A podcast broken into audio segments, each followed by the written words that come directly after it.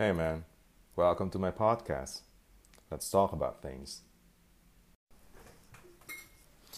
Now let's talk about work from home. you know, previously sebelum pandemic ini, um, mungkin buat uh, kita secara umum gitu ya, work from home is something yang tidak uh, common dan tentunya tidak uh, bisa dilakukan oleh semua orang uh, dan mungkin mungkin menjadi sesuatu yang diimpi-impikan oleh kita gitu ya. Bahwa um, well kerja dari rumah aja gitu kan ya. Gue sebelumnya um, sebelum masa work from home ini menjadi sesuatu yang kita lakukan sehari-hari gitu paling ada teman gue satu dua yang modelnya kerjanya itu di bidang um, IT tapi lebih ke marketing IT. Uh, jadi dia tuh apa ya kayak um, adverse, advert, advertising. Um, tapi kantornya tuh dari regional gitu. Jadi dia kayak cuma megang uh, tanggung jawab untuk yang pasar Indonesia. Terus dia mesti ngapa-ngapain gitu. Ya, jadi modelnya tuh hmm, kerjanya ya bisa di mana-mana gitu. Yang penting dia ada laptop, dia ada koneksi internet, uh, meetingnya sama orang regional, entah tuh dari India mungkin atau dari Singapura atau bagaimana terus ya udah. Jadi dia nggak um, nggak terpaku sama jam kerja dan kantor gitu ya. Um, but berapa banyak sih yang yang yang dari kita yang bisa melakukan itu dulu gitu ya. Uh, sekarang bahkan admin pun melakukan pekerjaan work from home gitu. Itu itu sesuatu yang juga uh, baru kan di, di masa kita ini gitu. Termasuk istri gue so kantornya dia kebetulan adalah kantor yang cukup um, memperhatikan keselamatan bekerjanya sehingga ketika PSBB pertama kali dicanangkan di Jakarta full dari kantornya adalah uh, sorry kebijakannya adalah full WFH gitu. Nggak ada orang yang boleh ke kantor. Yang boleh paling cuman ya model-model direktur-direkturnya doang lah gitu yang masih uh, harus datang ke sana untuk memantau gitu. So uh, at first kita kayak yay work from home gitu ya. But unfortunately buat istri gue um, dia berkoordinasi sama orang-orang yang tidak di Jakarta juga gitu kan ya, yang ada di US, yang ada di mana gitu. Sehingga meeting pertamanya dari kantornya itu adalah jam 7 pagi. Jadi dia sudah harus siap di depan komputernya dia jam 7 pagi online. Up to jam 6 sore terkadang sampai jam 8 atau jam 10 malam. Dan itu online meeting terus-terusan gitu kan ya. Um, tapi itu cuma satu bagian doang yang yang menurut gue downside dari WFH ini gitu. Downside kedua adalah tempat duduk. Men itu itu itu ngehe banget sih buat gue. Jadi um, untuk orang yang meeting terus-terusan the whole day long gitu uh, dan dan ketika lu kerja di laptop gitu kan ya yang layarnya tidak sebesar itu gitu lu cenderung untuk bongkok. Dan yang terjadi adalah duduk lu nggak bener yang kemungkinannya adalah uh, kursi yang lu pakai di rumah bukan kursi kerja. Ya somewhat ergonomics uh, chair lah gitu kan ya. Ya bagus kalau lu ada kursi yang uh, ada ada ada bantalan dan empuk gitu kan ya. Tapi kalau yang lu pakai adalah kursi kursi kayak model um, kursi makan gitu misalkan. Ya yang nggak ada nyaman-nyaman sama sekali gitu. Dan yang penting yang terpenting adalah tidak ada uh, cushion yang untuk punggung lo gitu kan ya. Ngaco men. Ngaco abis. My wife had a back pain yang yang ke mana-mana. Dia sampai uh, pusing. Um, dia sampai uh, uh, nggak nggak nggak sehat lah ya.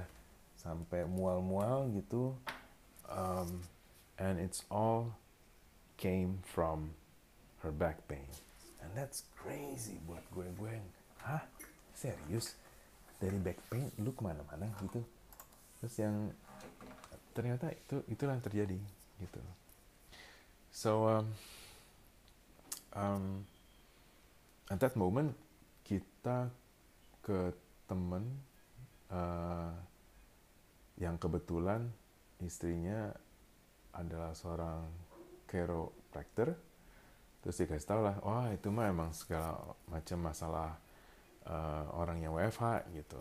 Udah datang aja ke tempat gue gitu. Yuk gue cekin gitu. Ya cek lah gitu kan ya terus kalau di chiropractor itu um, ternyata mereka ngeceknya adalah cara ngeceknya gitu kan. Terus yang oh ini nih di back di punggung lu bagian bawah nih ini gara-gara lu duduknya tuh miring.